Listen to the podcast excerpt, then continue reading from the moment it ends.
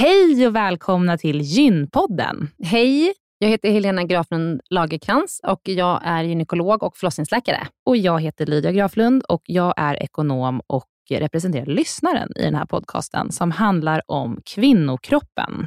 Det är vetenskaplig fakta om kvinnokroppen och det du hör i den här podden är det som man kan höra om man får träffa en läkare eller en barnmorska i ett eh, möte.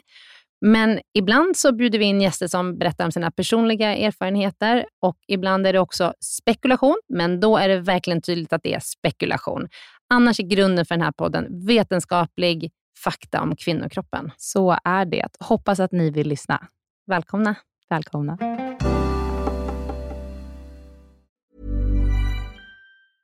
Hey, I'm Ryan Reynolds. Recently, I asked Mint Mobile's legal team if big wireless companies are allowed to raise prices due to inflation.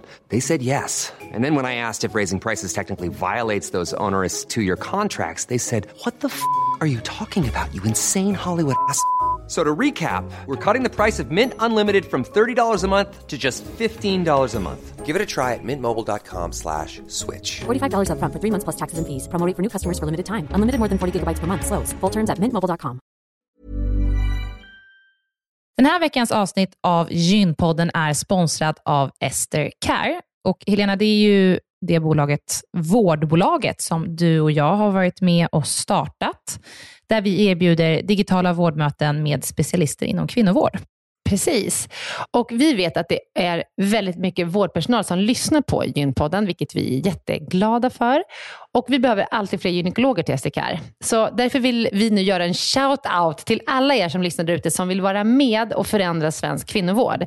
Vi söker specialister inom gynekologi, men också ST-läkare som har kommit en bit in i sin ST och som vill arbeta digitalt eh, med handledning på, hos oss på SDKR. Mm. Och precis som det är för våra patienter som kan söka vård hos oss, det vill säga att de kan bo vart som helst i landet eftersom vi är digitala. Om man laddar ner appen och så bokar man ett vårdmöte, så kan ju även läkaren bo vart som helst i landet eller flytta under tiden man jobbar hos oss. Det är ju väldigt, väldigt flexibelt eftersom eh, man jobbar hemifrån.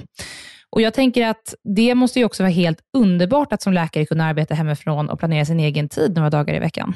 Ja, verkligen. Och samtidigt vara med och förändra kvinnovården med kollegor som är otroligt drivna och engagerade. Det är jätteroligt att jobba på SDKR. Och jag tycker att det här är en häftig grej som vi gör just nu, att vi erbjuder gyn, äh, gynvård i hela landet. Och vilka är de vanligaste patientmötena du tar, Helena? Ja, men det är ju klimakteriet, eh, PMS, eh, mensbesvär. Och det är ju såklart ärenden och eh, diagnoser som går att hantera digitalt. Men vi remitterar också vidare när det behövs mm. Eh, och tar labbprover när det behövs mm. och så vidare. Mm. Så gå in på sdcare.com, klicka på jobba hos oss i menyn för att läsa mer och skicka in en ansökan. Tack så mycket. Tack och välkomna. Jag tror att många känner som jag just nu en stor sorg för vad som händer i Ukraina Eh, att man känner att man vill på något sätt kunna hjälpa till, men kanske inte vet exakt hur.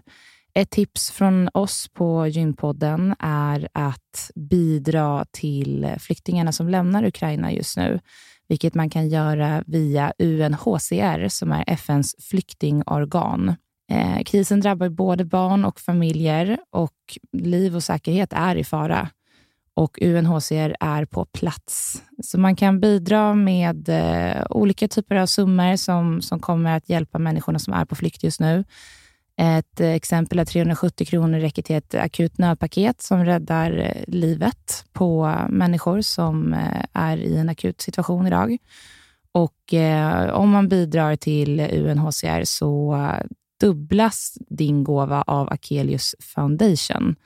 Så gå in på unhcr.se eh, och eh, bidra helt enkelt. Tack. Hej, välkomna till Gynpodden. Hej. Jag heter Helena Grafen Lagercrantz. Ja, men det där slutade vi ju med. Har vi slutat med det? Ja, okay. förra gången vi spelade in så sa du inte ditt namn och då Nej. tänkte jag nu har du satt ribban. Okej, okay, men jag är i varje fall Helena. Jag är Lydia. jag kan tycka att, vi, att det är bra att vi säger det i början av varje avsnitt av den anledningen att folk har hört av sig och sagt att vi har så otroligt lika röster. Ja. Så vi kan väl bara så här, i början av varje avsnitt säga att det här är min röst idag. Ja. Och, och det här är min idag. Ja. Ja, mm. då har vi sagt det. Mm. Eh, och idag ska vi podda om någonting alldeles fantastiskt. Ja, någonting du har gått igenom Fyra- Många. Ja, fyra gånger och du ingen gång. Ingen gång. Nej. Vi ska prata om graviditet och allt som händer i graviditeten. Ja. Och eh, jag, tror ju, jag tror ju alltid, eller jag vet att du kommer lära dig så sjukt mycket. Mm, jag har jättemycket spännande frågor. Och vi har världens mest fantastiska gäst här idag, Sofia Brismar Wendel. Välkommen! Tack. Som många andra gäster här så är du min kollega. Mm. Och eh, jag kan ju inte, alltså, jag kan inte nog trycka på hur fantastisk du är som förlossningsläkare. Du är ju, vi kallar ju dig moderskeppet på kliniken. Ja, det är så mycket nicknames Ja, och de är så bra. Moderskeppet ja, men är det liksom- bästa hittills. Ja, men Vi har Sofia- haft hormondrottningen och, och eh, Storvulvan. Mm. Ja. Nej, men liksom moderskeppet, den här som man liksom går till när man liksom behöver stöd och råd och hjälp och inte vet vad man ska göra. Då går man till Sofia. Du är ju överläkare Mm. och gynekolog, men framförallt är du förlossningsläkare. Ja. Och, eh, och sen, vi kan ju inte kalla dig livmedikus, vi hade ju en annan livmedikus här i ett annat avsnitt, men Ja. du är ju med och förlöser prinsar och prinsessor. Ja. Det, så man ser ju dig ibland i media, bland annat i de tillfällena. ja. Ja. och eh, så är du ju också docent och forskar jättemycket kring både graviditet och förlossning. Mm. Förlossningskomplikationer. Framförallt förlossningskomplikationer. Mm. Och gör väldigt mycket inom Ja. det här området och eh, belyser många viktiga eh, punkter, bland annat bristningar. Mm. är det ju som du fokuserar på mycket just nu. Ja, Mm. Vi kanske har möjlighet att återkomma till det. absolut. Mm. Ja, men vi, vi har liksom mycket frågor, ont om tiden då, så Mm. nu kör vi igång. Nu sätter vi igång.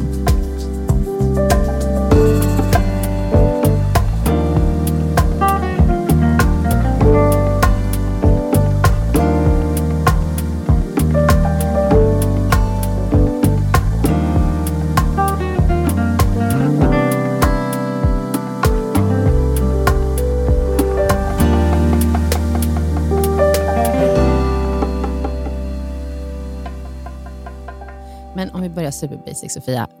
Hur vet man att man är gravid? Eh, ja, först, jag skulle ju då tänka så här, ja men det vet man för att man har gått över mensen. Att man inte ja, får den tid man tror att man ska få. Mm. Eh, det kanske är så man förstår att man är gravid, speciellt om man förväntar sig att man ska bli gravid. Mm. Annars kanske man först märker när man tycker att så här, Gud vad konstigt, jag mår lite illa hela tiden, på morgonen särskilt. Eller jag själv till exempel tyckte så här att jag hade lite magkatarr hela tiden och förstod liksom inte riktigt vad, vad det kunde vara.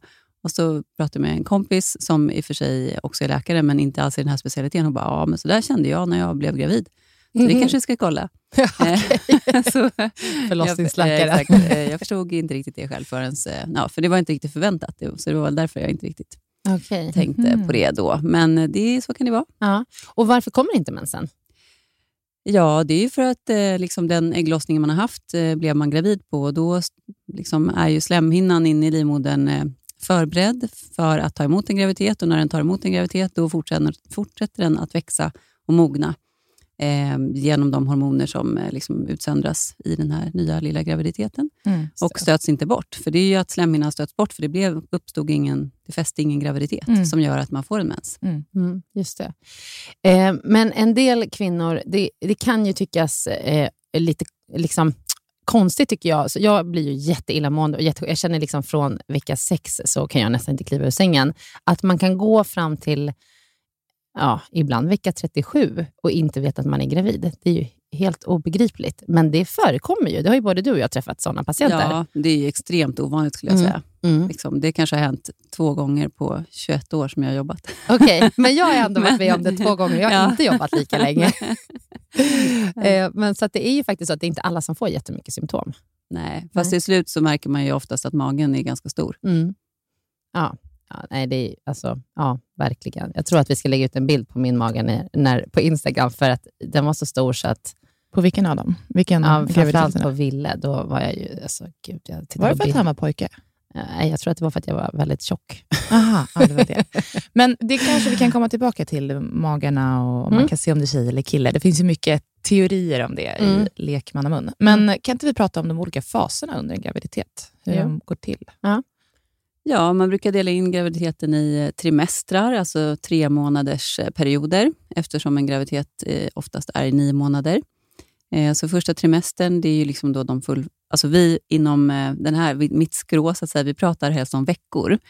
Så att det blir alltid lite förvirring när allmänheten kanske tänker i månader och vi tänker i veckor och så. Men de första 12 veckorna, eller de första tre månaderna, det är ju när fostret liksom bildas och eh, alla organen anläggs, vilket betyder att organen också bildas. Eh, och Sen så kan man säga att kommande 12 veckor, då mognar liksom organen och eh, fostret blir mer av en liten människa. Och sen de sista tre månaderna, eller 12 veckorna, då kan man säga att det mest är en tillväxt också och mognad. Mm. Eh, framförallt nervsystemet som mognar. Och Vad händer i kvinnans kropp under den här tiden? Ja, alltså, den förbereds mer och mer för att kunna föda barnet. Eh, första månaderna så kanske inte man märker så... Man märker ju för att man mår illa och liksom man kanske lägger på sig lite vikt i vanligt utan att magen syns så mycket, vilket kan vara frustrerande för en del.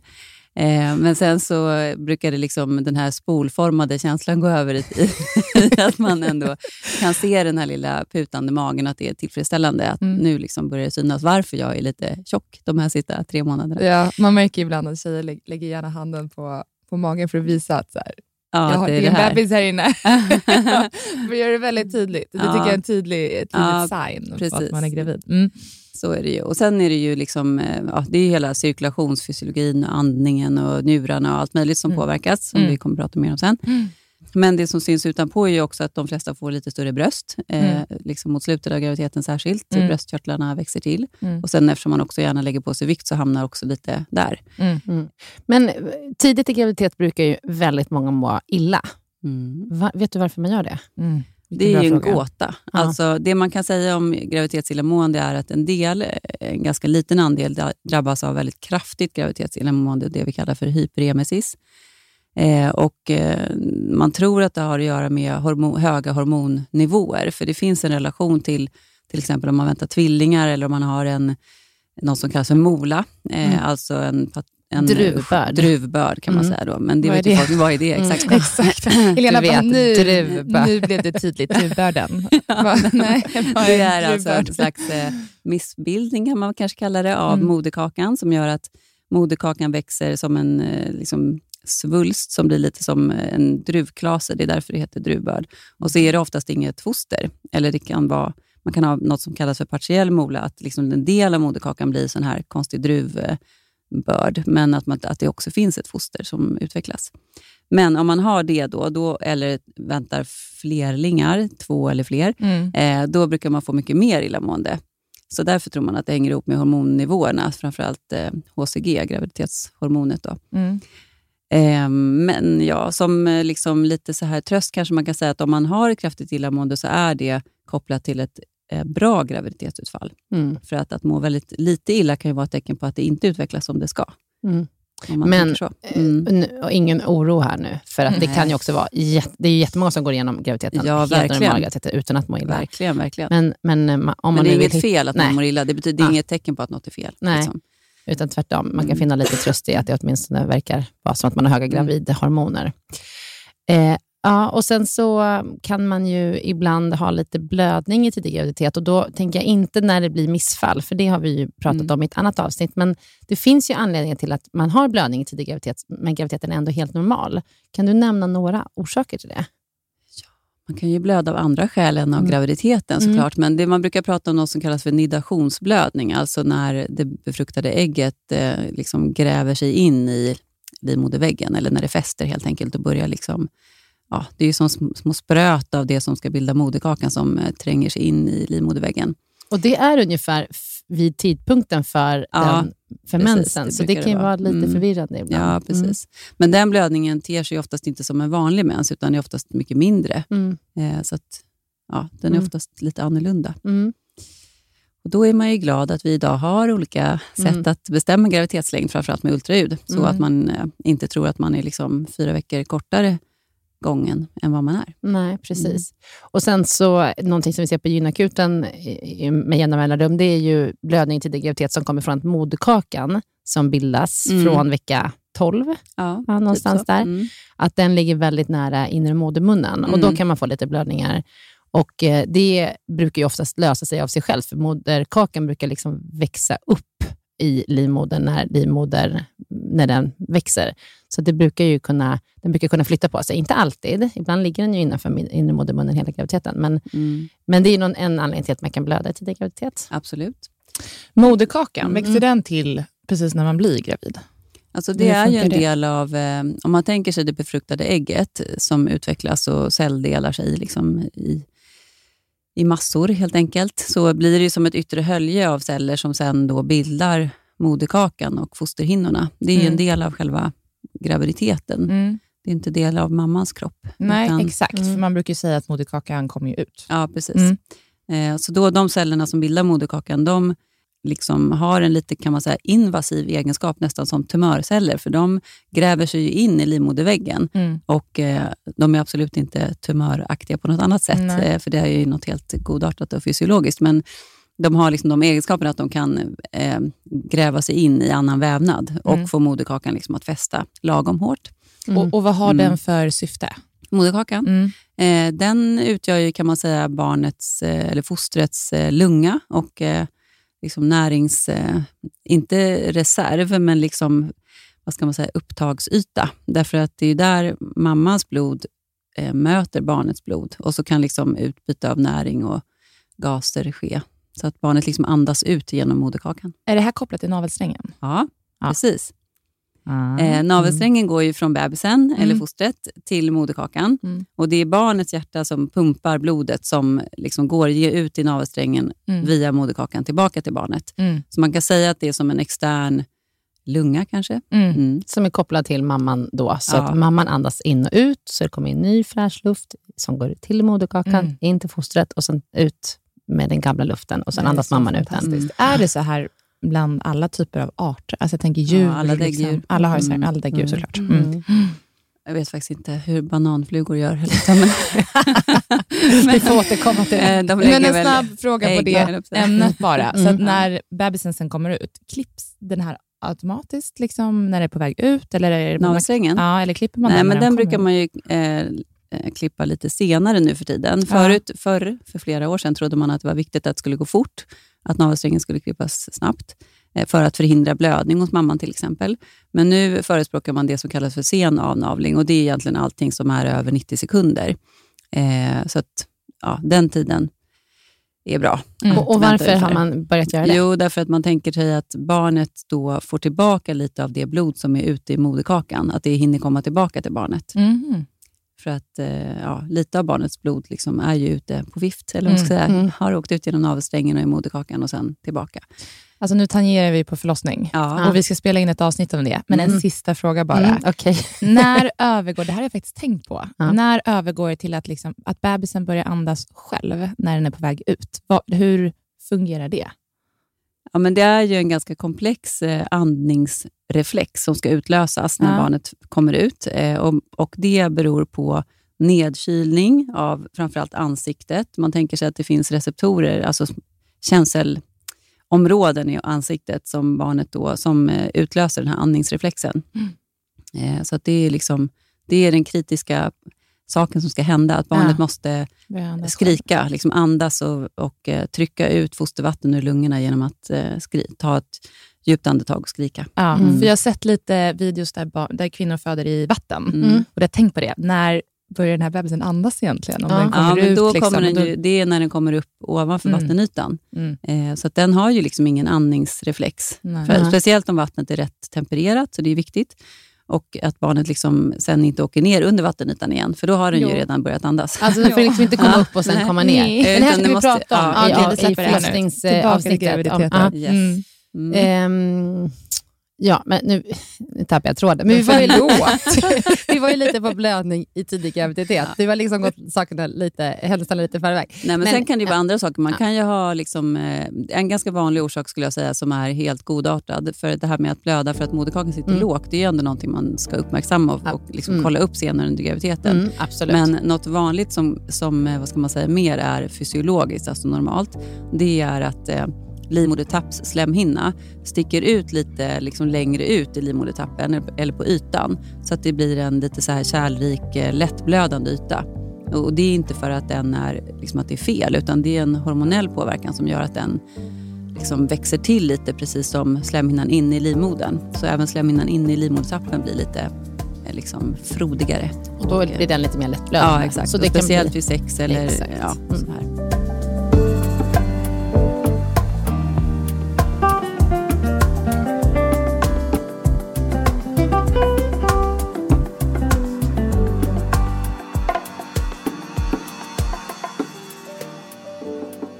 När man skriver in sig på MVC, då kollar man alltid på sköldkörteln. Mm. Och Det beror ju på att sköldkörtelrubbningar är så himla vanliga bland kvinnor Mm. och att sköldkörtelhormonet är väldigt viktigt för att eh, fostret ska växa normalt och eh, utvecklas normalt. Mm. Eh, så därför så screenar man, alltså kollar alla gravida kvinnor om de eventuellt har en sköldkörtelrubbning, Mm. eftersom det är så vanligt. Mm. Och Det är ganska eh, nytt, eller ja, Mm. senaste jag vet inte, fem, tio åren kanske. Mm. Så innan gjorde man inte det. Nej, när jag fick Mm. min första, första barn som nu fyller 11 så gjorde vi inte det. När jag fick min sista barn så gjorde vi definitivt Mm. det. De andra två kommer jag inte ihåg. Men det var i varje fall, någon gång mellan ett och tio år. och Ville, ni är lika viktiga. Jag kommer inte ihåg om vi screenade för sköldkörtel. Men ibland så får man väldigt höga sköldkörtelhormoner och kvinnor kan känna hjärtklappning eller må väldigt illa av det. Vad beror det på? Ja, men det beror på att det här graviditetshormonet eh, som då utsöndras, det härmar kan man säga det hormoner som kommer från hypofysen, alltså en del av hjärnan som stimulerar sköldkörteln att bilda sköldkörtelhormon. Så de liknar varandra liksom kemiskt och då eh, kan sköldkörteln stimuleras av graviditetshormonet som en slags så här fuskstimuleringhormon som då får sköldkörteln att bilda en massa sköldkörtelhormon. Så att man får liksom en ja, pseudotyreotoxikos. Mm. Mm. Så då, det går ju över Ja, efter det ett går par över, veckor. Så, Mm. Men i- det, vi får ju fråga om det ibland, varför man har höga sköldkörtelhormoner och man kan känna hjärtklappning och lite så. Och eh, det brukar vara helt, eller det går över. Det är Ja, det helt brukar gå över. det brukar Mm. gå över efter ett par veckor. Men det är, inte, det är faktiskt inte det man screenar för, utan Nej. man screenar för underfunktion av sköldkörteln Ja. när man är på mödravården. Yes. Och när, tyck, när skriver man in sig på MVC, alltså på barnmorskemottagningen?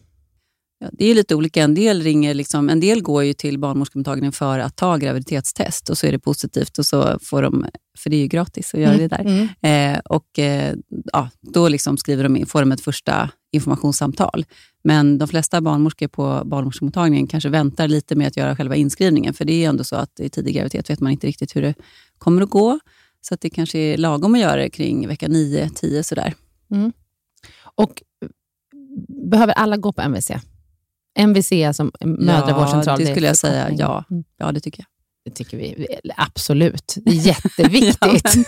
Allt är relativt. Va- Varför har man egentligen Mm. en cut-off vid 12 veckor? Vad är det som händer just då? Eller är det att det liksom är de... Att det, Ja, men det är ju att eh, alltså de här trimestrarna är ju en indelning för att det är lite, framförallt de första tre månaderna är en fysiologisk liksom, process när det som heter organogenesen, alltså organen, bildas. Mm. Eh, och om man har en kromosomavvikelse eller har något fel liksom, eller någon väldigt allvarlig missbildning så brukar det liksom ge sig till känna då genom att organ inte utvecklas som de Mm. ska eller att fostret liksom inte bildas som det ska. Eh, och då får man missfall. Mm. Liksom. Ja, men så vi rekommenderar såklart att alla ska gå på eh, MVC. Och vad gör man för kontroller på MVC?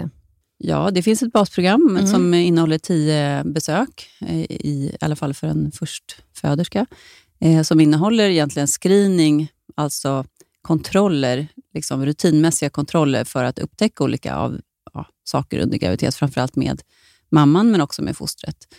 Så inskrivningsbesöket brukar ju handla om eh, så här livsstilsfrågor, vad man ska tänka på, vad man ska inte äta och inte dricka, eller vad man ska säga.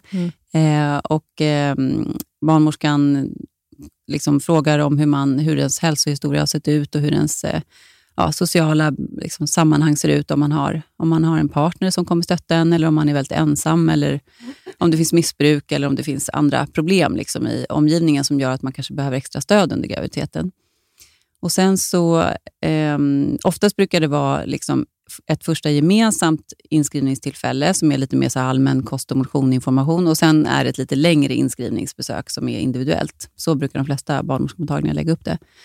Och Sen är det då kontroll. Sen brukar det dröja lite till liksom besök nummer två, eh, som oftast då inte är förrän efter rutinultraljudet. Så då tycker många att det känns som en evighet. Liksom, att är jag verkligen gravid? Jag måste få kolla det här om det finns något foster där inne. Så det frestar ju många att göra. Tidigt ultraljud, KUB, är ju väldigt många som gör, i, eh, särskilt i Stockholm. Det är lite olika i olika regioner hur reglerna för det ser ut. När är annars rutinultraljudet? Ja, kring vecka 18-19 sådär. Vi ska podda om fosterdiagnostik Ja. också, så det kommer. Men kubben brukar man göra någon gång. Det är ju, är ju då 12, 11 till 13 ungefär. ja, 11 till 13 och sen Mm. kommer rutinultraljudet någon gång vecka 17 till 19. Mm. Eller 18 19. Jag läste någonstans att KUB-testet plockades bort under pandemin.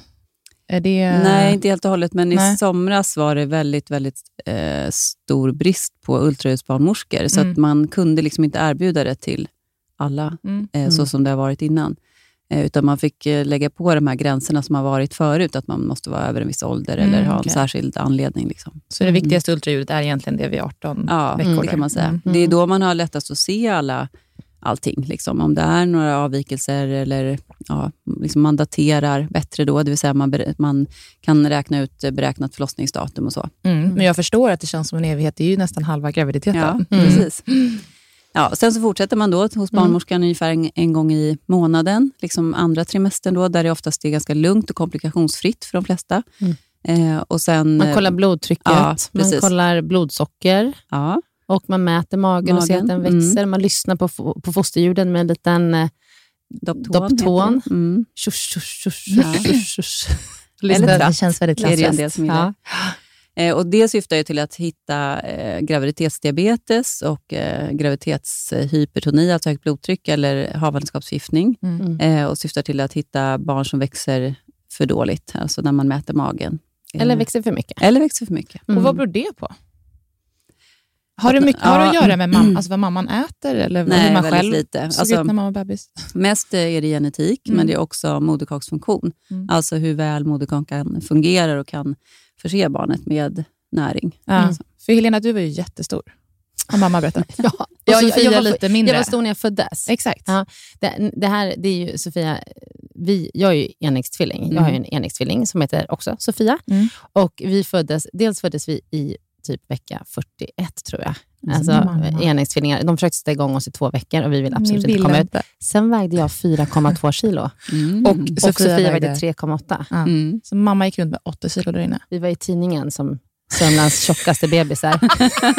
Och Men något- tjockaste mamman Och kanske också. tjockaste mamma. Något måste Alltså, man ju bli känd för. Ja, nej, det är helt, helt absurt. Men en, en jättevanlig orsak till att bebisarna blir stora är att mamman har graviditetsdiabetes. Ja, okej. Så det är ju någonting Jo, som men lite, lite kan man ju säga att det har att göra med vad mamman äter. Men de, de flesta, eller som jag möter, är mest oroliga för att, det, att deras barn inte växer för att de äter för lite. Ja. Men det är extremt ovanligt. Liksom. Även om en mamma svälter sig så kan barnet i princip växa. Mm. Ja. Mm. Och det kan vi också säga, de som har jätteallvarligt graviditetsillamående och bara kräks och kräks, de bebisarna växer ju också Ja, oftast helt precis. normalt. Ja. Men de som växer för lite, vad beror det på då? Ja, men oftast är det en moderkakssvikt, alltså att moderkakan inte fungerar. Men det kan också vara relaterat till om man har en väldigt allvarlig tillväxthämning, som det kallas, då, när bebisen inte växer alls som den ska. Eh, Så ligger den mycket under medel för sin graviditetsvecka. Då brukar man börja fundera på, kan det vara någon typ av infektion som orsakat det här? Eh, Det kan vara röda hund eller det kan vara parvovirus som är en slags ja, barnsjukdom. Mm. Eh, förkylningsvirus som oftast inte ger symptom hos vuxna, så då är det lite svårt att veta. Det kan vara CMV som också är en sån förkylningshistoria. Eh, historia. Mm. eh, vi brukar också kolla toxoplasma och eh, herpes eh, som kan liksom ligga bakom en tillväxthämning. Vi kollar också ibland då kromosomavvikelser, det vill säga man letar efter missbildningar som kan tala för det. Så man gör ett väldigt noggrant ultraljud för att titta efter liksom vad, vad kan ligga bakom den här tillväxthämningen. Mm. Mm, och eh, hittar man någon avvikelse, liksom någon hjärt liksom klaffsmissbildning eller någon, något annorlunda utseende på magsäcken eller lite korta rörben, alltså eh, armar och ben, då kan man börja misstänka att det är något eh, som har att göra med en kromosomavvikelse. Mm. Eh, och då kan man ta eh, prov för det. Numera kan man ta blodprov, så man kan göra NIPT liksom när som helst under graviditeten. Eh, förut gjorde man ju mer invasiva prover, det vill säga man tog ett fostervattenprov och tittade på, på det. Mm. Och Då var det alltid en liten, så här, eller det är fortfarande om man ska göra det, en, en avvägning. Liksom. Är det värt att kolla det här? Vad kommer det att ändra? Om man nu är i vecka 36, om jag får reda på att barnet har ja, Downs syndrom nu då, som ors- orsak till att det är litet, då kan det förstås vara en väldigt god hjälp för att man kan förbereda sig för Mm. hur det kommer att bli. Mm. Ehm, men är det någon väldigt allvarlig trisomi, alltså ungefär som Downs syndrom är ju eh, tre kromosomer av nummer 21, så kan man ha tre kromosomer av nummer 13 och 18 och ändå gå ganska långt i graviditeten. Men de eh, trisomierna, eller vad ska jag säga, kromosomavvikelserna, är in, alltså det, man kan leva, men inte så länge med det. Mm. Eh, så då kan man ju fundera på hur man... Det låter ju väldigt hemskt att säga så här i, i, i en podd, men det kan vara så att det inte är värt att satsa på att eh, få barnet att överleva hela graviditeten. Så att det är liksom frågan då hur, gentemot föräldrarna. Hur, ska Mm. vi, hur vill ni göra? Ska vi Mm. liksom göra kejsarsnitt? Ska vi återuppliva barnet eller ska vi liksom bara låta det här ha sin gång och så ja, får vi se hur det går. Mm. Liksom. Jag Jag, jag vill bara komma tillbaka jättefort. Mm. NIPT som du nämnde. Ja. Vi, ska, vi ska prata mer om det. Men Men det jag har är så ju, mycket frågor. ja, jag, jag vet, men Du bara går vidare. nej, nej, jag går tillbaka. Ja, men jag vill nog gå NIPT. tillbaka ännu mer. Okej, men Okej. NIPT är i varje fall det är när man tar ett blodprov på mamman och så hittar man fostrets DNA i det Exakt. blodprovet och så Ja. kan man titta på det. Bara så att vi inte använder för mycket förkortningar som folk inte känner till. Mm. Jag. Nu Nu har jag två steg jag vill gå tillbaka. Det Okej. ena är att när man är ute och reser så får man ju ofta höra att man ska inte åka till länder där det finns Zika-virus till exempel. Mm. Hur påverkar det på tal om liksom infektioner och att bebisen kan... Ja. Ja, nej, men det glömde jag faktiskt också. Men det brukar vi inte ha i vårt så här eh, rutinpaket, liksom det vi använder när vi ska utreda tillväxthämning. Men det är såklart en viktig faktor. Men framförallt, eh, som jag vet, så ger det eh, alltså en liten hjärna och en liten skalle. Så det kan vara anledning att utreda om man har varit ute och rest och liksom sen får väldigt små huvudmått om man mäter bebisen med ultraljud. Mm. Men det är, alla, går ju inte, alla har ju inte, gör ju inte tillväxtultraljud. Och det är inte heller så att alla som har varit ute och rest ska göra tillväxtultraljud. Nej. Nej. Så att, eh, ja, det är ju extremt ovanligt i Sverige. Ja, med det. exakt. Och Sen vill jag tillbaka till när du låg med Sofia i mammas mage. Ja. Eh, hur, ehm, för att när vi tittade på, när jag var på sjukhuset hos dig och vi Mm. spelade in de här filmerna med livmodern och du sa att eh, har man haft en graviditet så är den lite större. Banade ni liksom väg för mig som låg där inne sen? Hade jag jättemycket plats in i mammas livmoder efter er? Yes. Ja, det är Mm. så. Den, den, liksom, den töjs. Har du Ja. fått triplets så är den, då är den, fort, då är den ännu större liksom, där inne. Eller? Nu får du svara Sofia. Men, Alltså jag skulle säga så här att lim, det är, livmodern är ju helt fantastisk. Det är ett grymt organ. Liksom, Mm. Att den verkligen kan dra ihop sig och typ bli lika stor som den var innan. Eh, jag tycker, jag kanske inte är lika duktig gynekolog som Helena, men jag tycker att livmodern ofta är ungefär lika stor. Själva livmodern är ungefär lika stor mellan graviditeterna alltså, och på en kvinna som inte har fött barn. Mhm. Men livmodertappen och eh, modermunnen ser annorlunda ut Mhm. hos en kvinna som har fött barn vaginalt jämfört med kvinnor som inte har fött barn vaginalt. Ja, okej. men sen när hon blir gravid igen Ja, så just det. blir den ju större. Ja, då blir den lite Ja. större. Den växer liksom lite snabbare och ger Mm. efter snabbare för Mm. det här trycket. Det är Mm. därför, och även eh, bukmuskulaturen, bukväggen är ju också lite, vad ska man säga, har kanske inte riktigt återfått sin eh, ursprungliga spänst Mm. efter en graviditet. Som man, andra graviditeten brukar ju de flesta kvinnor känna att de liksom blir stora så snabbt. Mm. Så vad hände? Nu ser det ut som jag är i vecka 30 fast jag är i vecka 12. Liksom. alltså, Sofia, när jag väntade mitt fjärde barn så stod jag och skulle göra ett kejsarsnitt. På, så jag stod, och du vet, vi står där utanför operationssalen så stod vi och tvättade och så står min underbara kollega bredvid mig och så tittar han på mig och säger så här, Ehm, ska du gå på föräldraledighet snart? Nej, jag är bara vecka 18. jag tror båda vi höll på att skämmas ihjäl. så att, ja, Man kanske man, bara inte ska kommentera man ska inte, på kommen- man ska inte kvinnors kommentera graviditet. Nej, och man ska inte kommentera på, folks, på kvinnors magar oavsett om de är stora eller små. För Nej. att om, om man säger så här, gud vilken liten mage du har, då blir den kvinnan jätteorolig. Mm. Men när man hela tiden får höra, men gud vad, vilken jättemage du har, då tänker man, hjälp, hur, hur stor är min mage? Fast Mm. det, spelar, alltså det, det är inte alltid det relaterat till hur stor fostret är. Nej. Klart att ibland kan det göra det, men kan vi inte bara sluta kommentera hur stora magar man har? För att alla ser olika ut. Men det är faktiskt ganska intressant, Ja. för att det är som att den här gravidmagen som man går runt med, är ungefär Mm. som att man är ute och går med en hund eller någonting. Mm. Att det är så här, alla får komma fram och klappa. Ja, det är offentlig och liksom, liksom. eh, allmän egendom på något vis. Mm. Det, det är ganska få liksom, som säger så här, men gud vad stora bröst du har. eller gud vad små bröst du har. Ja. Eller vilken stor näsa eller liten näsa. Eller, ja, Ja. Man kommenterar inte det Nej. liksom, när det Nej. gäller andra Nej. kroppsdelar. Så det egentligen är det ganska konstigt. Men jag Ja. tror att det är för att man tänker liksom att det är det är, liksom Det är så ett naturligt. gästspel hos den här kvinnan. Det är liksom inte Ja, hon och att det är... en så stor lycka och att Ja. man kanske ja, att man Men- försöker vara positiv. Och Jag kan säga att jag tycker inte att det är så jobbigt. Folk fick gärna kommentera och klappa mig i min mage. Men jag vet att, att när man var, eftersom jag blev så stor så fort så kände jag lite så att jag hela tiden blev tvungen att försvara. Liksom. Att ja, men jag är bara i vecka 18. Jaha, men är det två? Nej, det är bara... Men har du diabetes? Nej, jag har inte diabetes. Jag ser bara ut så här. Men det är för att du jobbar så. Tror Ja, du jo, annars kanske. att folk hade sagt så mycket? Nej. Ställt så många ingående frågor? Nej, kanske inte. Nej. Nej, nej, det kanske inte. Okej, men... Okej, ehm, tack. Nu kan vi gå vidare i programmet. vidare.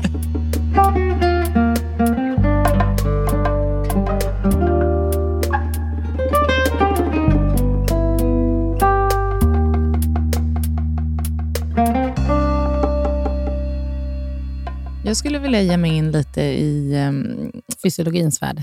Nej, Nähä. det var inte riktigt det jag tänkte. Nej, men mera det som jag kan kanske relatera mycket till, att, utan att vara gravid själv, men att man tänker mycket på vad man får äta och Mm. inte äta. Ja, det var, nu är jag ju inte 100% uppdaterad på Livsmedelsverkets eh, rekommendationer, men eh, generellt sett så får man inte äta mm, saker som kan innehålla för mycket gifter och bly. Eh, och Det kan ju vara insjöfisk till exempel. Eh, man får inte äta mm, mat som kan innehålla farliga bakterier, som man brukar säga, till exempel då opastöriserade ostar eller eh, lax som inte har varit fryst eh, mer än 72 timmar. Och mm, när jag var i Norge var de helt fixerade vid att man inte fick äta vakuumförpackade charkuterier, typ Mm. skinka och Mm. medvurst och sådana Mm. Mm. saker. Och Det har jag inte hört lika mycket om i Sverige med de svenska rekommendationerna. Är det inte lika bra att låta bli det här i vanliga fall? Alltså, det låter ju inte som att det är bra för kvinnan om hon inte är gravid heller. Nej, Nej. lite så kan man tycka. Men eh, Hur är det med alkohol? ja, då är vad man inte får dricka. Ja. man får inte dricka alkohol. Nej. Eh, Och då säger alla så här, men i Italien där får man dricka tre glas vin per dag. Det säger läkarna där. Mm, Låter de mm. så då? Ja, men lite så här, när man, när man liksom säger så här, nej men jag, avstår, jag har avstått helt från alkohol, inte Mm. liksom en sipp. Och då så kan man ju också få lite så här, ja men måste man det eller? I andra länder så. Ja. Vad säger de om det? Men hur, ser det ut? hur går det för andra länder? Hur är det i Italien egentligen? Du tänker stort ekonomiskt Ja, och jag tänker socialt. liksom alltihopa. Eh, nej, men jag, jag tror... Alltså, officiella versionen är att man ska inte dricka alkohol. Punkt. Nej. Mm. Tills motsatsen är bevisad, så ingen alkohol under graviditet. Nej, men så är det ju. Och sen, det är därför man, eh, problemet är så här att man har väldigt svårt att bestämma en gräns. Liksom, vad, vilken nivå är farlig? Mm. För att en, en liten mängd kan ge alkohol... eh, Vad heter det? Syndrom. Mm. Eh, hos vissa, medan vissa kan dricka mer och inte få några effekter eller skador alls. Vad är att- alkoholsyndrom? Eh, det är ett, alltså ett fetalt alkoholsyndrom är en slags missbildningssyndrom. Och, eh, ehm, Hos bebisen? Hos bebisen, Mm, mm. precis. Som innebär, att den ser lite annorlunda ut och också får en eh, utvecklingsstörning. Mm. Då känner man ju att det känns väldigt onödigt med alkohol Ja, överhuvudtaget, precis. om det är en risk. Mm. Ja, för det är det som är risken. Mm. Mm. Ja. Och eh, hur är det med rökning? Rökning är dåligt för moderkakan. Man kan säga liksom att moderkakan speglar på något sätt, eller det här är min liksom lite så här uh, lekmannaförklaring då, men jag tänker att moderkakan är som ett, en spegel av ens kärlträd över hela livet, fast, kon, fast kondenserad över en graviditet. Mm. Eh, så om man, om man röker så kan man få förändringar, kärlförändringar i moderkakan som också kan spegla liksom hur det skulle bli, alltså hur, som komprimerar effekten av rökning under en hel graviditet, eller under ett helt liv. Mm. Eh, så att moderkakan blir liksom, ja, dålig helt enkelt. Eh, Det blir sämre utbyte över de här kärlväggarna i moderkakan för att de blir förändrade på ett dåligt sätt eh, av rökningen. Borde Ungefär man som inte röka- åderförkalkning. Liksom. Ja, och Mm. borde man inte röka under själva graviditeten? Eller det låter lite på dig som att då borde man inte röka överhuvudtaget, Nej, för det såklart. påverkar. Såklart. Ja, men såklart. Ja. Men jag Ja. tänker just att som alkohol, alkohol kanske inte heller är jättebra för kroppen i stort. Liksom. Men rökning är inte bra under graviditet. Avråds vi också total rökstopp. Ja. Men eh, då kan man ibland fråga, men går det bra att gå över till snus istället? Alltså snus har inte lika farliga effekter. Det har inte visats lika mycket som rökning. Men det är också för att cigaretter innehåller så många olika gifter, inte bara nikotinet. Mm. Eh, Så att det är mycket bättre att använda nikotinplåster eller någon annan typ av nikotinvariant, liksom, om det är det man vill åt, än Mm. att röka. Men jag känner inte att min poäng fångades upp här riktigt. Förlåt. Jag menade, om rö- är rökning liksom den negativa effekten man får av rökning, är den som med alkohol att man inte ska röka just under graviditeten? Eller är det att man röker i livet överhuvudtaget så kommer det ha en negativ effekt på moderkakan? Det viktigaste är att inte röka under graviditeten. Mm, okej. alltså, det är absolut värt att sluta röka innan. Mm. Och också inte utsätta bebisen för rökning, inte Ja. börja efteråt. Men många är ju motiverade att sluta röka under graviditet. Ja. Mm. Jag ville komma fram till att man borde inte röka alls. Exakt. Nej, absolut inte. Det är det är huvudbudskapet. Ja. Man borde inte röka alls, Nej. för det är dåligt på så många sätt och det Ja. är typ inte bra på något sätt. Nej. Nej, men om man nu gör det så är det lite bättre att gå över till snus, eller vad sa vi? Nej, Ja, inte det lite heller. bättre. Ja, Marginellt okej. bättre. Men Nikotinplåster. det- bo- både rökning och snus är förenat ändå med ganska mycket komplikationer. Okej. Nu ser Sofia lite ja, skeptisk ut. Jag ser lite, för jag vet, det finns inte jättemycket studier på snus. Alltså snus är så lokalt i Sverige. Mm. Det är nästan jag ska säga att det är få kvinnor i de andra nordiska länderna som snusar mm. och det är typ inga kvinnor i, utanför Världen, Skandinavien som snusar. Nej. Nej. Okay.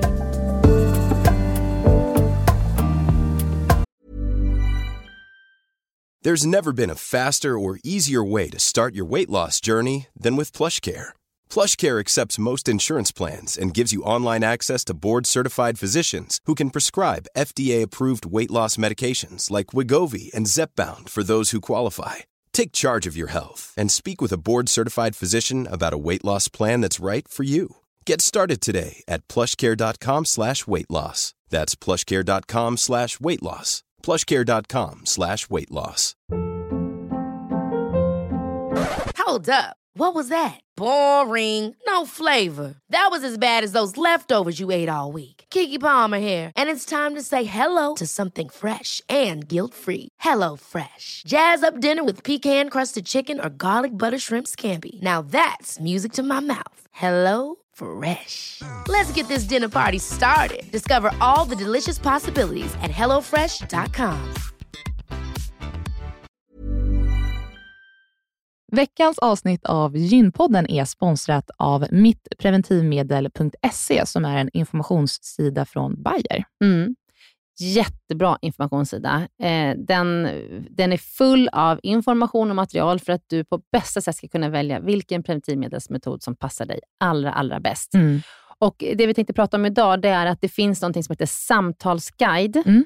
på den här sidan. Mm. Och Det är ett formulär där man har, får en massa frågor, till exempel så här, att komma ihåg att ta med preventivmedel dagligen är inget problem för mig, eller ibland svårt, Mm. eller inte min grej. Mm. Eller eh, om jag blev gravid nu och så vidare. Liksom. Så att man får kryssa i en massa frågor och ta ställning och fundera innan Mm. du träffar din gynekolog eller barnmorska. Så att du liksom verkligen får med alla frågor som är viktiga för dig i det där mötet. Ja. Så man kan fylla i den på den här hemsidan, så kan man skriva ut den här blanketten och ta med den. Ja. Jag skulle säga att, att det verkar som att det är framförallt fyra kategorier som Mm. är väldigt viktiga. Och sen, Mm. så, sen så spelar det ju in vad du har tagit innan och hur det har funkat för dig och, Mm. sådär, och din historik. Men det verkar ju som att det handlar mycket om hur liksom ordningsam man är, eller hur strukturerad man är, att kunna ta någonting dagligen. Mm.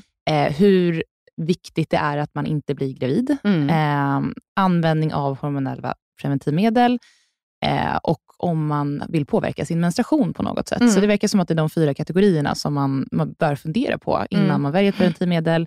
Man får bra guidning i hur man ska svara på de här, eh, med olika kategorier och olika svar.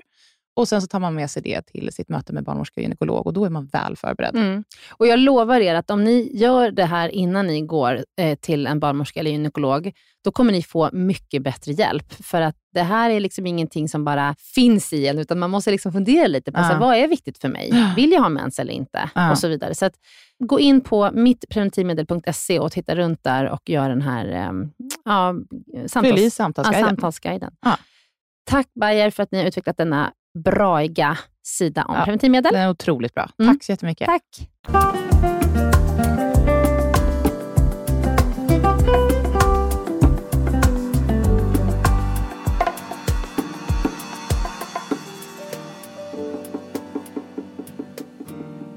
Den här veckan har Gympodden ett samarbete med Plan International.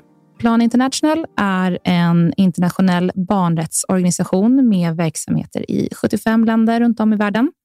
Och eh, De har ett särskilt fokus på flickor eftersom flickor är dubbelt diskriminerade både på grund av sitt kön och också sin ålder. Mm. Och Plan International arbetar för att stoppa barnäktenskap.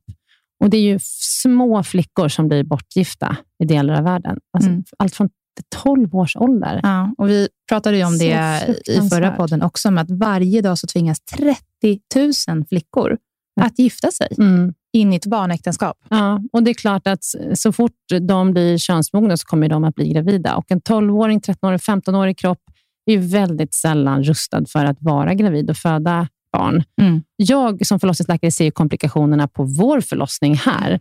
Hur ofta det ändå är att man behöver hjälp. Och Då Mm. är man på ett högspecialiserat sjukhus. Så det här är ju inte bara ett problem ur liksom ett perspektiv med mänskliga rättigheter, där barn och flickor ska få vara barn och flickor och inte tvingas in i ett barnäktenskap och att få barn när de själva är barn. Utan det är också ett, eh, ett jättestort problem ur, eh, ja, men ur ett fysiskt alltså säkerhetsperspektiv för deras hälsa.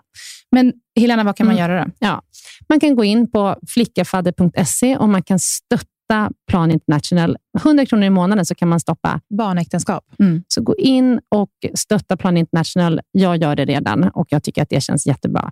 Låt oss hjälpa till att Mm. eh, förbättra situationen för flickor över hela världen. Mm. Tack. Tack snälla Plan International för att ni vill samarbeta med oss. Fysiologiskt, vad händer med till exempel blodvolymen? Blodvolymen ökar eh, successivt under graviditeten och når kanske sitt maximum ja, men i mitten av graviditeten och så fortsätter det vara så, liksom, som en platå, högt. Mm. Kanske 40 procents ökning. Oj, det är massor. Mm. Alltså hos kvinnan. hos kvinnan. Mm. Hos kvinnan ja. Mm. Och varför gör den det? För att eh, räcka till och pumpa runt blodet i liksom, den här nya... Eh, vad ska man säga? För fostret eh, bildas ju utav material som kommer via moderkakan och även barnets eh, eller fostrets blodvolym byggs ju upp av det som tillförs via moderkakan. Eh, så att alla byggstenar till fostret liksom finns ju i mammans blod, kan man säga, eller kommer från mammans blod. Så mamman måste, liksom, blodvolymen måste öka för att kunna dels liksom bilda ett foster och bilda moderkakan och ha cirkulation över för att det ska också cirkulera i moderkakan. Och Sen handlar det också om det blir en utspädningseffekt eh, så att eh, blodkropparna blir liksom inte lika täta i blodet, för det är mycket vätska istället för ja, mer vätska än blodkroppar liksom, jämfört med när man inte är gravid. Och Det skapar en slags reserv när man föder barn, för det är vanligt att man blöder lite i samband med förlossningen och då är den där blodförlusten är ju mest vätska. Eller vad man ska säga. Det rinner ut blodkroppar också förstås, men eh, liksom när sen eh, man kissar ur sig vätska så har man en normal andel blodkroppar igen, eller samma som man hade innan. Hur mycket är det vanligt att man eh, går upp i vikt under en graviditet? Procentuellt kanske av sin egen kroppsvikt?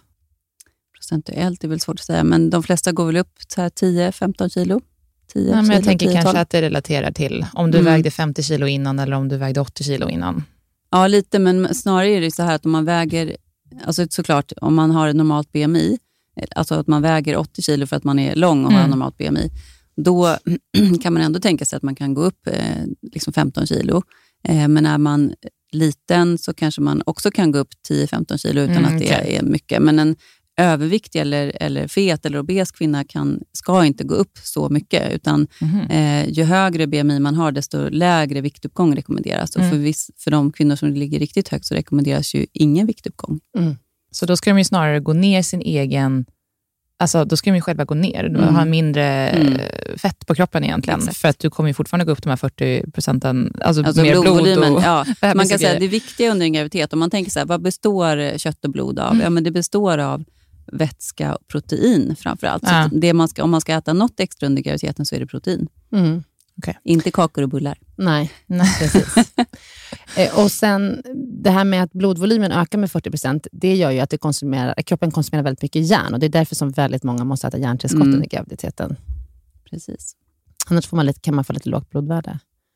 En, andra organ, Sofia, är det någonting spännande som du tycker att vi behöver ta upp? Vad som händer med lever, njurar, hjärnan? Ja, vad händer med Eh, hjärnan? Alltså det tror jag är en myt, det här med gravidhjärna eller så. Mm, Jag tror att det inte är så. Nej. Liksom. Hjärnan, eh, ja, det finns kanske forskning, men jag är faktiskt inte riktigt påläst på om det finns några studier som talar för att gravida kvinnor Har ett lägre liksom, jämfört med icke-gravida kvinnor i samma ålder och har samma utbildningsnivå och samma, liksom allt om man liksom tar hänsyn till alla andra Mm. faktorer. Om det verkligen är någon skillnad. Däremot skulle jag snarare hellre prata om någon slags amningshjärna, för att framförallt är man ju så trött liksom under nyba- eh, nyföddhetsperioden, Ja. när man ammar man är vaken liksom oregelbundet på nätterna, man sover fragmenterat och, så- och så. Och så kan det också vara under graviditeten. Då skulle jag säga att det är det, sömnbristen, som gör att man blir... Liksom, ja, men också kanske att man har lite- split focus. Är man inte gravid så kan du fokusera på det du håller på med mycket mer än att du, är du gravid så har du ändå det också. Mm. Det är ju Ja, fast jag tycker, jag vet inte, när jag, jag hade ju för väldigt enkla graviditeter tycker jag själv. Jag tänkte liksom inte på det på dagarna. Okej. Jag gick inte runt och tänkte på min gravidmage eller fostret liksom hela jag tiden. hade nog gjort det, tror jag. Mm, det jag, jag tänker på det hela Det tiden. var nästan som att jag kom på liksom i slutet av dagen, så här, just det, ja men just det, här, om jag kollar ner så ser jag att det är en mage där också. Mm. Eh, så att det beror ju helt på. Men har man mycket besvär under graviditeten och liksom känner sig andfådd eller har mycket foglossning Mm. eller har sammandragning hela tiden och så, då, då är det ju svårt. Det är lite som att ha, om vi säger att man har kronisk värk, då är det också svårt att liksom bortse från det. Man Mm. kan få svårt att koncentrera sig och sådär.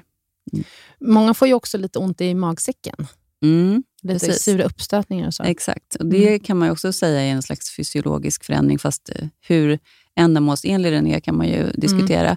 Men eh, man får ju, eftersom det blir ett ökat buktryck när livmodern växer och fostret växer, så trycks liksom organen upp mot eh, mellangärdesmuskeln och då kan även den här övre magmunnen liksom komma eh, lite för högt upp och då blir den liksom slapp för att Mm. den har inget omgivande tryck som håller ihop den om den kommer för högt upp. Så då. Mm. eh, släpps det upp, då får man sura uppstötningar och halsbränna. Det. Och det går bra att äta Omeprazol under graviditet. Mm, Mm. det och det är receptfritt. Det kan man testa om man har sura uppstötningar. Precis. Mm. Mm.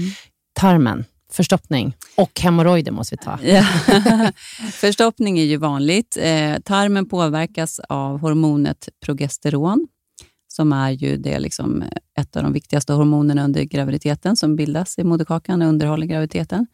Eh, och det eh, liksom förlångsammar peristaltiken, alltså rörelserna i tarmen, så att innehållet matas inte fram liksom som det ska. Och Det här är ju en effekt av liksom hur progesteronet verkar på flera, eller glatt muskulatur i kroppen på flera ställen. Det underhåller liksom, eh, livmoderväggens eh, avslappning, så att säga. Och det är ganska intressant, för hos djur har man sett att progesteronnivåerna sjunker liksom innan förlossningen ska börja. Som att den här liksom avslappningshormonet sjunker för att liksom förbereda livmodermuskeln för att börja liksom dra ihop sig och skapa ett verkarbete. Men hos människor har man inte riktigt kunnat visa att progesteronhalterna sjunker så mycket. Mm. Men ändå när man ska liksom avbryta graviditeter eller så, Mm. då använder vi ett antiprogesteron för att förbereda livmodern för eh, verkar. Men det används ju inte eh, liksom när man, ja, vid vanlig igångsättning. Utan, Nej. ja. Men, eh, så man blir förstoppad och sen äter man Mm. kanske lite järn så blir man lite förstoppad på det också. Men det går ju också bra att äta, eller dels ska man ju försöka äta mycket fiber, Mm. dricka mycket vatten Mm. och så. Men vad kan man annars göra om man är förstoppad då? Ja, säg det. Röra på sig. Ja, Mm. exakt. Mm. Nej, men alla de här Mm. klassiska råden såklart. Dricka mycket vätska. Det är ju viktigt att komma ihåg att man behöver dricka mer vätska, Mm. Vatten, Mm. eh, för att eh, upp, få den här blodvolymen som man behöver och upprätthålla den. Eh, så att, eh, och för att eh, fostret ska få i sig tillräckligt mycket vätska också och kunna liksom bilda urin. och Det blir fostervatten som ska ligga runt bebisen. Så det är bra att tänka på att dricka mer än vad man annars gör. Mm. Ehm, och Det hjälper också till för tarmen förstås, att den eh, sköter sig helt Mm. enkelt. Mm. Men sen är det ju också att man måste tänka på vilken kost som passar för en själv. En del klarar av att äta riktigt mycket fiber, en del klarar inte det, för då blir det mer stopp.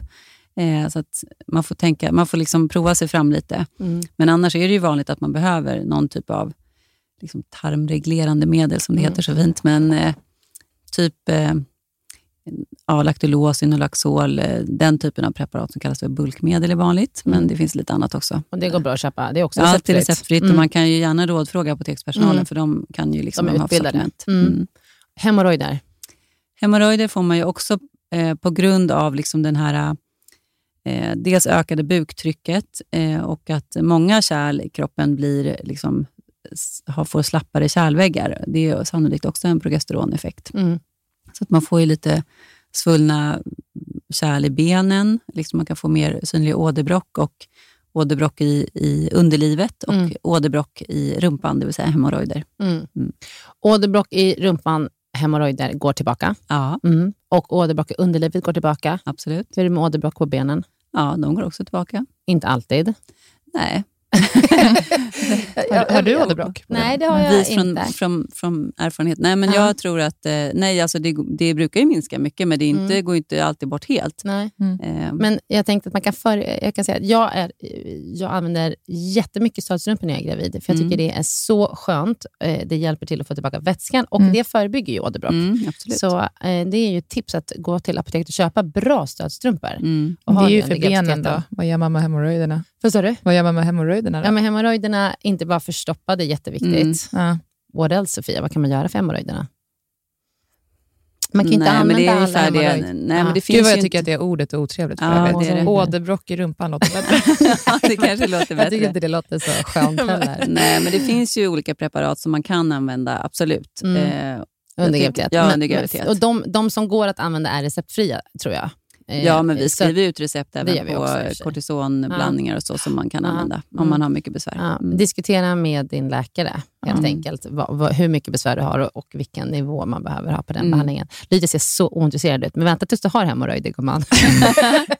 Ja, men, verkligen, jag kan inte relatera alls till den här delen du just såg ut nu. som att du höll på att somna. Okej, men, Men jag jag ska vill- säga så här, jag hemorrojder är ett stort problem. Ja, men såklart. Mm. Har du Ja. hemorrojder Helena? Pass Det är mer bara att jag kan inte relatera till det. jag förstår. Okej. Men kan vi prata om bristningar? Alltså på magen, benen, brösten. Mm. Mm. Det tror jag är någonting som många, Mm. eller det är ju liksom, det är så synligt, Mm. eh, undrar över. Varför får man bristningar? Eh, Jag skulle säga att det är en kombination av östrogeneffekten under graviditet. Man har ju mycket östrogen i kroppen också då, progesteron, östrogen, och ehm, eh, att man går upp i vikt, att huden sträcks helt enkelt. Ja, Och att eh, liksom, magen särskilt spänns ju ut mycket. ja, De som har väldigt stora magar på grund av fler börd, alltså tvillingar i magen, eller eh, jättemycket fostervatten, som kan ju vara ett, ett sjukligt tillstånd, så att säga, då, de får ju ofta mer bristningar på magen. Men även helt normala liksom, graviditeter brukar de, ganska många kvinnor få bristningar på magen. Och finns det någonting man kan göra för att eh, få mindre bristningar? Alltså att man, jag vet inte, smörjer in sig? Eller liksom, Ja, finns det någon alltså, så här... Jag vet egentligen inte om det spelar så stor roll. Det är faktiskt, ganska mycket genetik tyvärr. i Mm. de här bristningarna tror jag. Okej. Mm. Det finns ju många liksom, krämer och oljor och så som säljs liksom, under liksom, det här pretexten att det ska Ja. eh, Förebygga. förebygga Mm. bristningar. Men jag tror alltså det finns ganska lite vetenskap som stöd, eller Mm. Ja. bevis för att det funkar. Ja. Men det är inte farligt, man kan Nej, testa. man kan alltid Mm. testa. Och det kan ju kännas skönt, för ofta kliar det lite i huden, liksom, som ett, eh, ja, för att den sträcks. Mm. Eh, Så då kan det vara skönt att smörja in att man inte också är torr.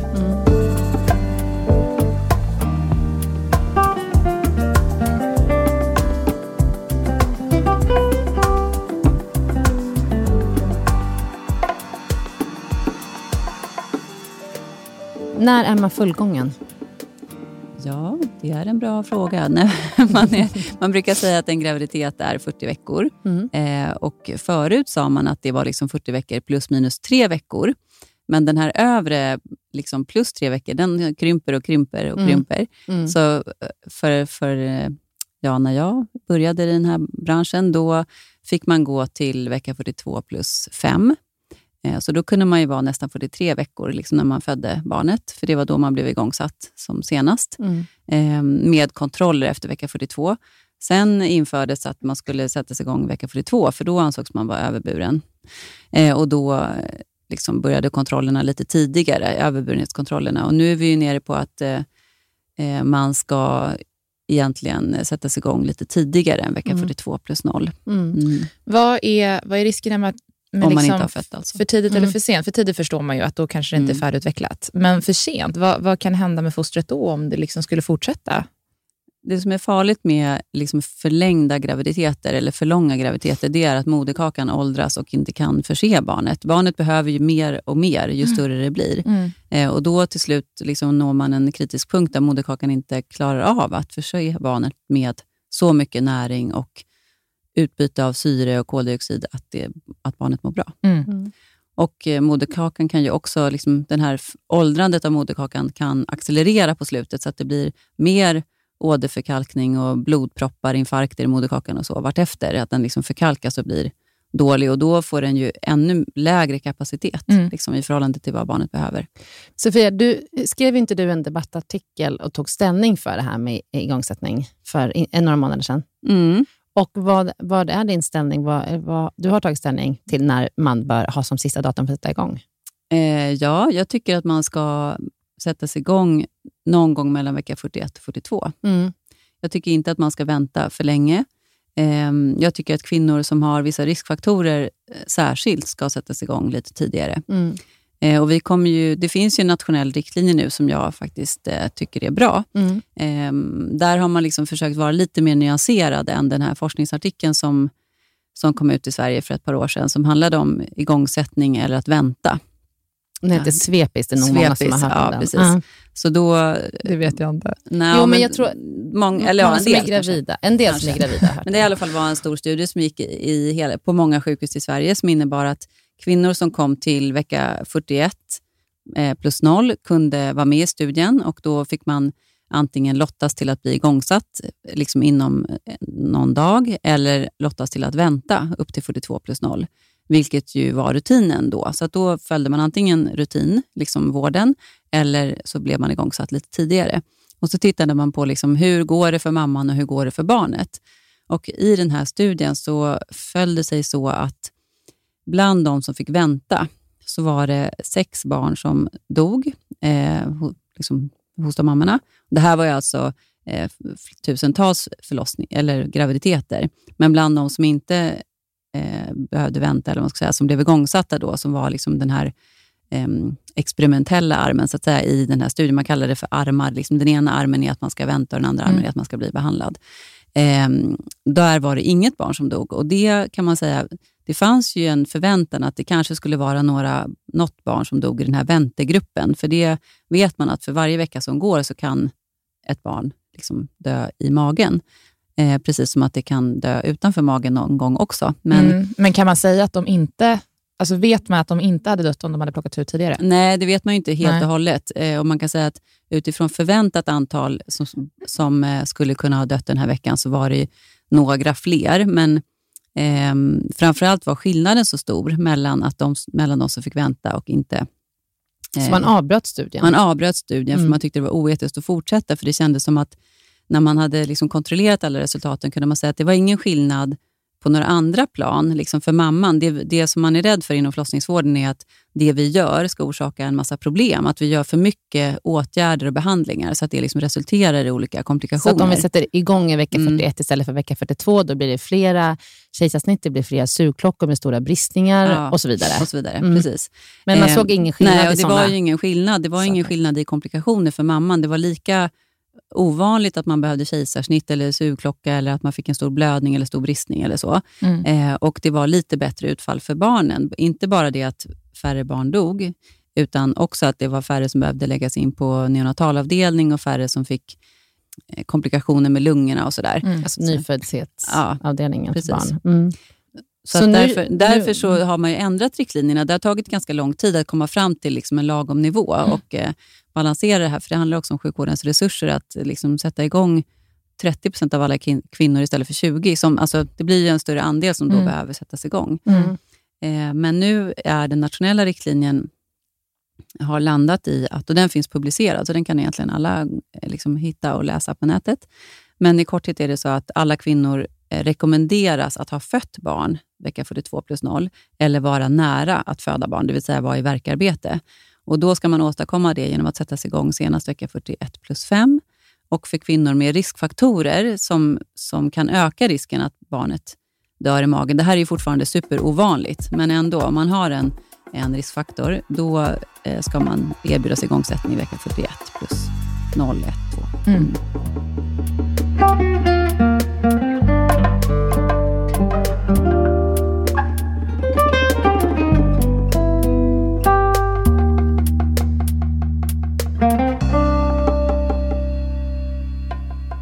Sofia, eh, fosterrörelser, det är ju någonting som mamman ska känna varje dag. Och det är, ibland så får man höra så här, ja men bebisen rör sig mindre när man blir fullgången eller passerar vecka 37 veckor. Är det sant?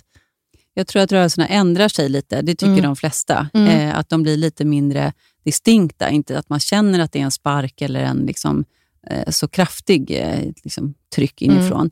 Utan att det mer är liksom lite så här ålande rörelser eller att det liksom, ja, trycker mm. och, och bökar runt lite, fast inte på samma sätt. Nej. Men man ska känna fosterrörelse ja, varje, varje dag. Ja, och Annars mm. ska man höra av sig till sin förlossning. Det är mm. jätteviktigt. Men från och med när? Ja, från, man börjar känna kanske någon gång i vecka, allt från vecka 18 till vecka mm. 22. Ja, kanske. Men så om du inte veck, känner någonting i vecka 13 så kanske inte det är konstigt. Nej, nej, men från nej. vecka 18, 22, det beror lite på om man är ja. förstföderska, omföderska, det lite på vart moderkakan sitter. Mm. Men just det där i slutet av graviditet har jag hört många säga, så här, ja men det är väl inte så att man måste känna hela tiden. Jo, nej, inte hela tiden, men varje dag. Annars mm. kan man höra av sig. Mm.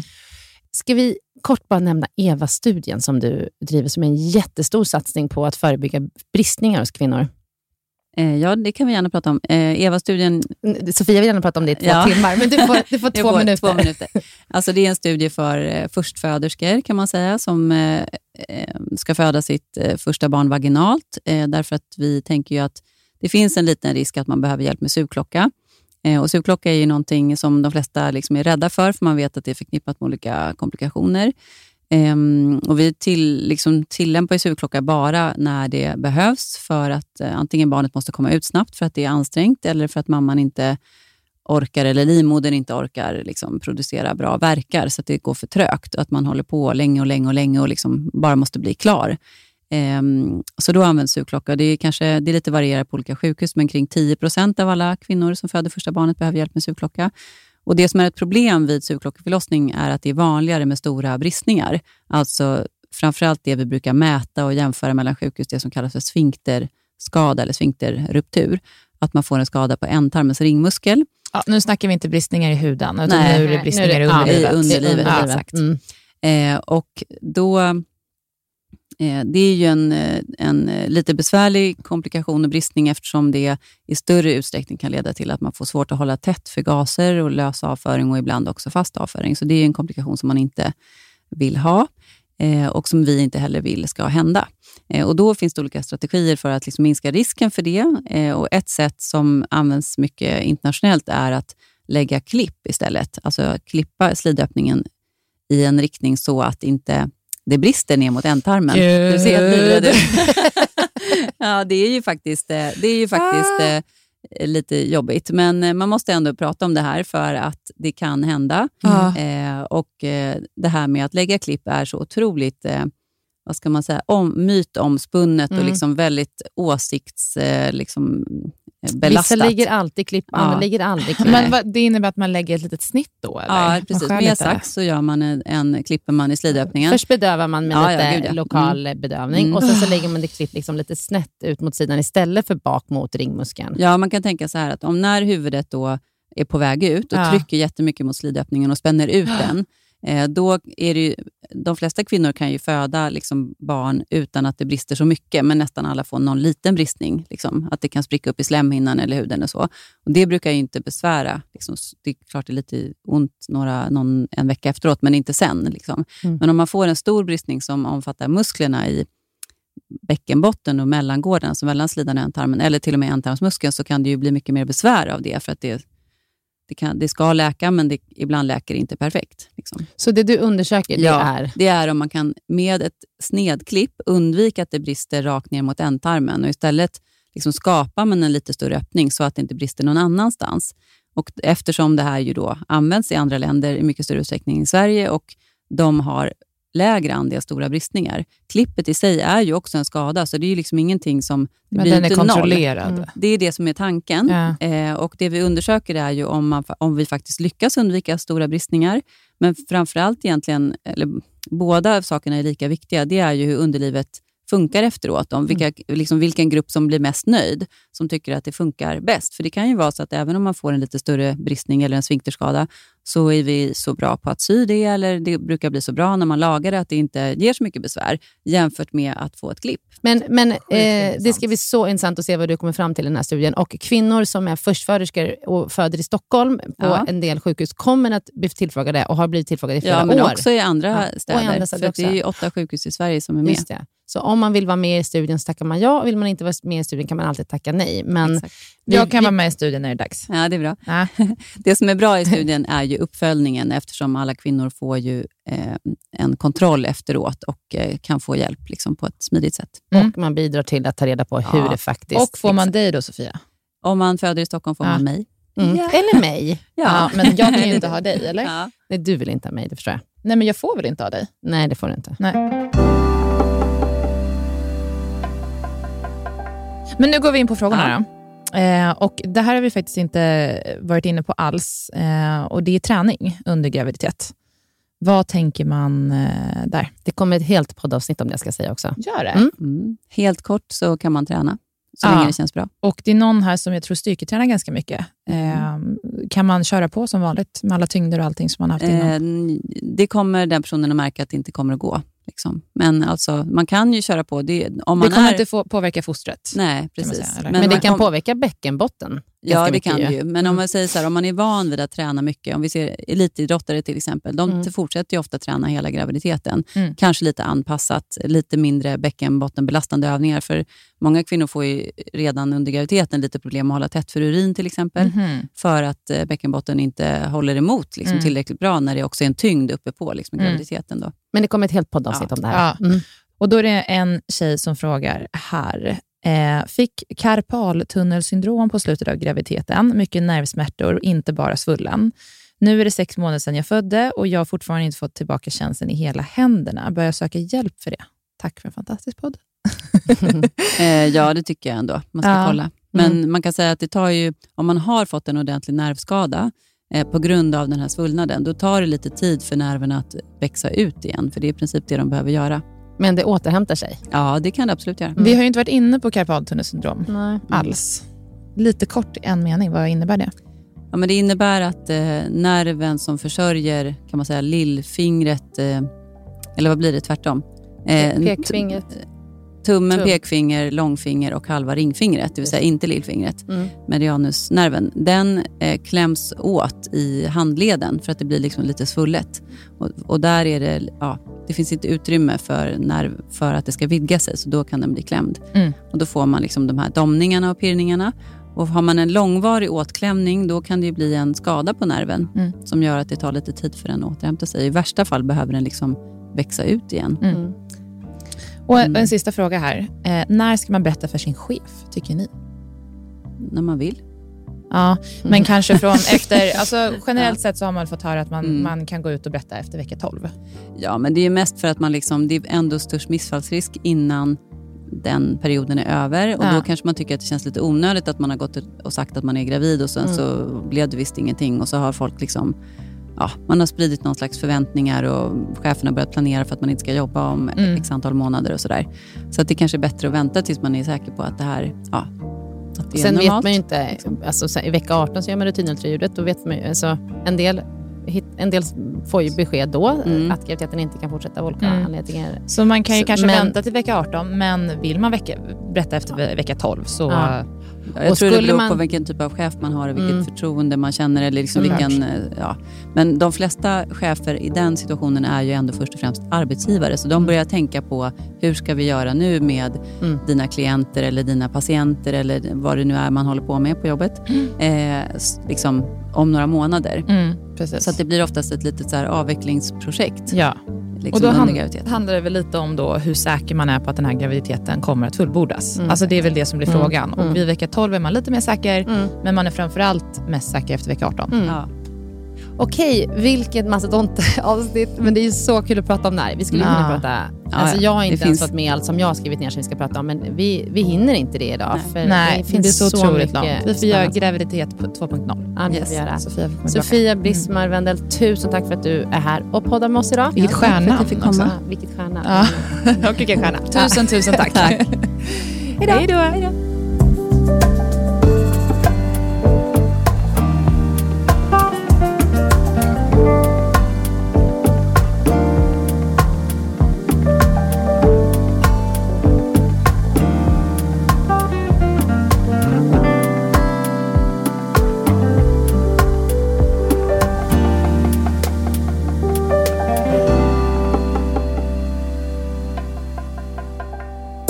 Podcasten är producerad av Perfect Day Media.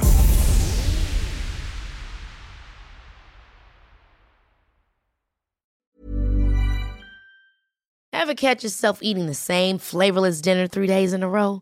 Dreaming of something better? Well, HelloFresh is your guilt-free dream come true, baby. It's me, Gigi Palmer. Let's wake up those taste buds with hot, juicy pecan-crusted chicken or garlic butter shrimp scampi. Mm. Hello Fresh. Stop dreaming of all the delicious possibilities and dig in at HelloFresh.com. Let's get this dinner party started.